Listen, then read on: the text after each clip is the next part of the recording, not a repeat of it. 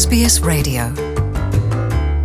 ဒါဆမ်ပတ်ဆာနော Монголчууд та бүхэндээ энэ өдрийн халуун мэндийг хүргэж байна. 7 өнөг бүр та бүхэндээ хүргэдэг оршин суух хөтжийнхөө энэ удаагийнхаа дугаарыг хүрэхэд бэлэн болсон байна. Хүүхдүүдэд цахим орчноос хэрхэн хамгаалах талаар мэдээлэл хүргэхээр бэлдлээ. Залуу үеийнхэн технологийн улам их чадвартай болж байгаа энэ цагт эцэг эхчүүд хүүхдүүдэд аюулгүй байх тал дээр зөв арга хэмжээг авах чухал асуудлын нэг болсон байна. Хүүхдүүдэд цахим орчноос хамгаалах талаар мэдээллийг хүлээн авна. Технологийн дэвшил олон давуу талтай ч e-safety байгууллагын төлөөлөгч Julie Grant болзошгүй үр дагавруудын талаар бидэнд тайлбарлалаа. One in five young Australians has had a negative experience online. Австрали улсад 5 хүүхэд тутмын нэг нь цахим орчны нөлөөгөөр буруу үйл дүрэл авах тухайлбал зураг болон бичлэгээр хүчирхийллийн хэлбэртэй зүйл харах, бие биенээ үзен ядах гэх мэт олон муу зүйлийг харах боломж бүрдсэн байдаг. Зураг хэлбэрийн ангилалт нь бие биенээ доромжлох болон бусдын зөвшөөрөлгүй хүний хувийн зургуудыг ашиглах зэрэг багтдаг юм байна. Энэхүү ойлголтыг ихэнх эцэгчүүд мэддэггүй. It's called revenge porn in some some corners we don't use that terminology because we ask revenge for what um, and it's not porn that was really created for um, uprising. Зарим газар үүнийг revenge porn буюу porn ус хонзон гэж нэрлэдэг. Харин яг юунд ус хонзонтой байна вэ гэдэг асуулт гардаг тул бид ингэж нэрлэдэггүй. Тэгээд ч энэ бол үзэгчдэд зориулсан порн биш юм аа. Энэ нь хүний эмзэг биеийн хэсгийн зураг эсвэл видеог тухайн хүний зөвшөөрлгүйгээр олон нийтэд тараах үйлдэл тул бид үүнийг зураг хэлбэрийн хүчирхийлэл доромжлол гэж нэрлэдэг. Тийм учраас залуу хүүхдүүд үүнийг тоглоом хийх гэж байгаад шоглоом болчихлоо гэж нэрлэдэг. Мөн танихгүй хүмүүс хүүхэдтэй онлайнаар холбогдох асуудалд эцэгчүүд маш их санаа зовдөг. Cyberbullying буюу цахим орчин дах дарамт бол маш ноцтой асуудал юм хэмээн хүүхдэд туслах лавлахын зөвлөх Белинда Биомонт хэллээ. For a lot of parents when they were growing up, they might have experienced bullying at school um, or at social functions that sort of thing, but when they got home, home would actually be their Ихэнх эцэгчүүдийн хувьд өсвөр насндаа байхдаа сургуульд эсвэл нийгмийн арга хэмжээнд дээр дээрлэхүүлэх дарамтлуулах тохиолдол байдаг. Гэхдээ гэртээ ирээд ийм асуудлуудтай тулгархгүй аюулгүй байдаг байсан. Харин одоо үеийн залуу хүүхдүүд үргэлж хоорондоо холбоотой онлайн байдаг тул энэ асуудлаас зүгтэх боломжгүй мэт санагддаг. Гэртээ ирсэн ч дарамтлсан мессеж хүлээн авах эсвэл онлайнаар муу юм харах зэрэг үнд багтдаг. Таны хүүхэд хизээ нэгэн цагт онлайн ертөнцид сөрөг зүйлүүдтэй тулгарч болзошгүй. Тэгэхээр энэ зүйл тохиолдохоос өмнө хийж болох хамгийн чухал зүйл бол энэ талаар яриа өрнүүлж тэдэнд эцэг их нь үүнийг даван туулахад үргэлж хамт туслахад бэлэн байдаг гэдгийг ойлгуулах явдал юм а. Just be engaged with your kids. Keep having these conversations. Build your relationship with them so that they feel comfortable sharing stuff with you when if they find themselves in trouble. Зүгээр л маш энгийнээр хүүхдтэйгээ ярилцаж баг багаар ийм сэдвэр ярилцах дотн холбоо тогтоож байх нь чухал юм а.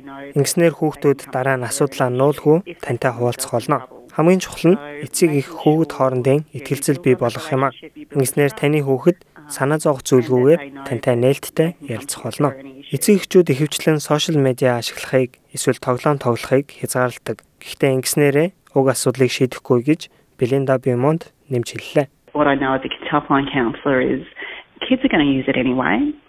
So if you try to do that, it's, all it's going to teach them is to be more secretive and hide things. Хүүхдэд туслах лавлахын зөвлөхийн хувьд миний мэдэж байгаагаар хэдий хязгаарласан ч гэсэн хүүхдүүд ашиглах болно. Тэгэхээр хэрвээ та хязгаарлаад л байвал хүүхдүүд илүү их нууцтай болж танаас ямаа нуух зуршилтай болно. Тэд хувийн аккаунт нээгээд ашиглах болно. Тиймээс хэдий хэцүү санаа зовсон ч хүүхэддээ итгэж асуудал гарвал танд хандаж ярилцах нөхцөлийг бүрдүүлэх нь маш чухал юм аа. Таны хувьд юу хийж болох вэ гэвэл ялангуяа бага насны хүүхдүүдэд санамсаргүй эсвэл санаатай сөрөг зүйл үзэхээс сэргийлж дижитал хэрэгсэлтэй parental control буюу эцэгхийн хяналт гэсэн тохируулгыг ашиглаж болно. Jane French бол хүүхдийн аюулгүй байдалд анхаарлаа хандуулж ажилладаг Child Wise байгууллагын гүйцэтгэх захирал юм. Хүүхдтэйгээ эхлээд сайн ярилцаж байгаад сошиал медиа болон дижитал хэрэгсэл ашиглахдаа тодорхой хязгаар тогтоох нь чухал хэмээн тэрээр нэмж хэллээ. And there are lots of um, websites that can help with this. Some of the rules in my house, for example, are that there's no devices in the bedroom. Whenever you're on social media, Энэ тал дээр мэдээлэл авч болох олон вебсайтууд байдаг. Манай гэр бүлийн хувьд жишээлбэл унтлахын өрөөндөө дижитал хэрэгсэл ашиглахгүй гэсэн дүрэн байдаг. Мөн сошиал медиад идэвхтэй байх үедээ хизээч өөрийнхөө хувийн мэдээллийг тодорхойлох зүйл тавихгүй байх. Тухайлбал сургуулийнхаа дөрөв товцос эсвэл хаана амьдардгаа харуулах зүйл тавихгүй байх гэх мэт дүрмүүд бид нар гаргасан. Хэрвээ бага насны хүүхэдтэй нь арай том насны захим аюулгүй байдлын талаар ойлголттой ах эгчтэй бол тэдэнтэй ч хамт ярилцж болно. Хүүхэдтэйгээ холбогдох бас нэгэн арга нь дуртай видео тоглоомыг нь хамт тоглох эсвэл утсан дээрээ татж авч өгч болно. Ингэснээр тэдний ямар тоглоом тоглодог тухай та илүү мэдж авч мөн энэ үеэр яриагаа өрнүүлэх боломжтой. Хэдийгээр урьдчилан сануулсан ч гэсэн хүүхэд асуудалд орж болзошгүй. Энэ үед тайван хандах нь чухал хэмээн Jane French хэллээ. The first thing is to keep the dialogue open. So make sure that children know that they can come to you as a parent if something goes wrong online. That's the first thing. Хамгийн түрүүнд нээлттэй ярилцах хэрэгтэй. Таны хүүхэд онлайн асуудал гаргахад танд хандаж тусламж хүсэх хэрэгтэй гэдгийг мэдэж байх нь чухал. Энэ бол хамгийн ихний алхам. Хэрвээ таны хүүхэд ямар нэгэн буруу зүйл онлайн дээр хийн асуудал гаргасан бол та хүүхдээ шийтгэхгүй байх нь чухлаа. Тайван хандаж асуудлыг шийдэх арга олно гэдгээ хэлэх хэрэгтэй. Хэрвээ таны хүүхэд цахим орчин дах дарамт эсвэл зургийн хэлбэрийн хүчирхийллийн хохирогч болсон бол та энэ асуудлыг онлайнаар eSafety хорооны вебсайт болох esafety.gov.au дээр мэдүүлж олно.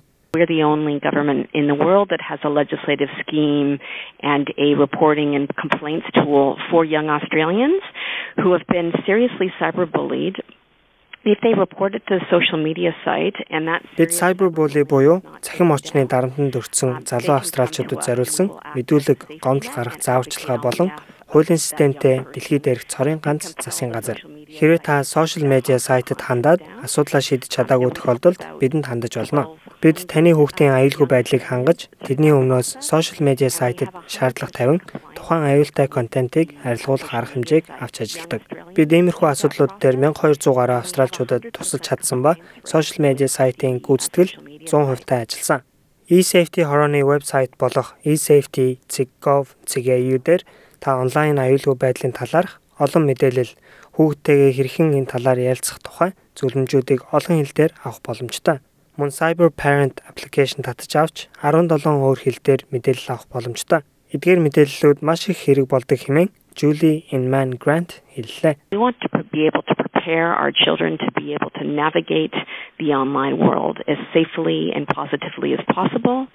Бид хүүхдүүдэд онлайн ертөнцийг аль болох аюулгүй, эерэг байдлаар ашиглах чадвартай болгохын зэрэгцээ технологи ашиглах үүрэг хариуцлагын тухай дүрм журмыг заахыг хүсэж байна.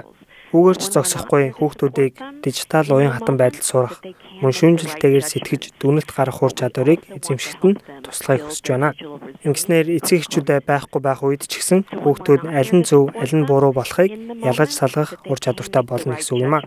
Дараагийнхаа дугаараар та бүхэнтэйгээ тун удахгүй уулзцгаая. Тэр болтол танд амжилт хүсье.